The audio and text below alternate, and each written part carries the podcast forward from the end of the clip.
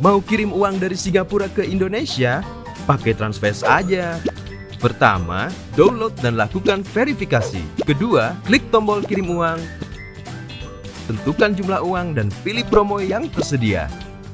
Ketiga, masukkan data penerima uang. Keempat, pastikan detail transaksi sudah benar. Terakhir, masukkan PIN dan transaksimu siap diproses. Kamu tinggal cek status pengiriman di riwayat transaksi. Download Transfast. Transfast, simplifying transaction from anywhere to everywhere.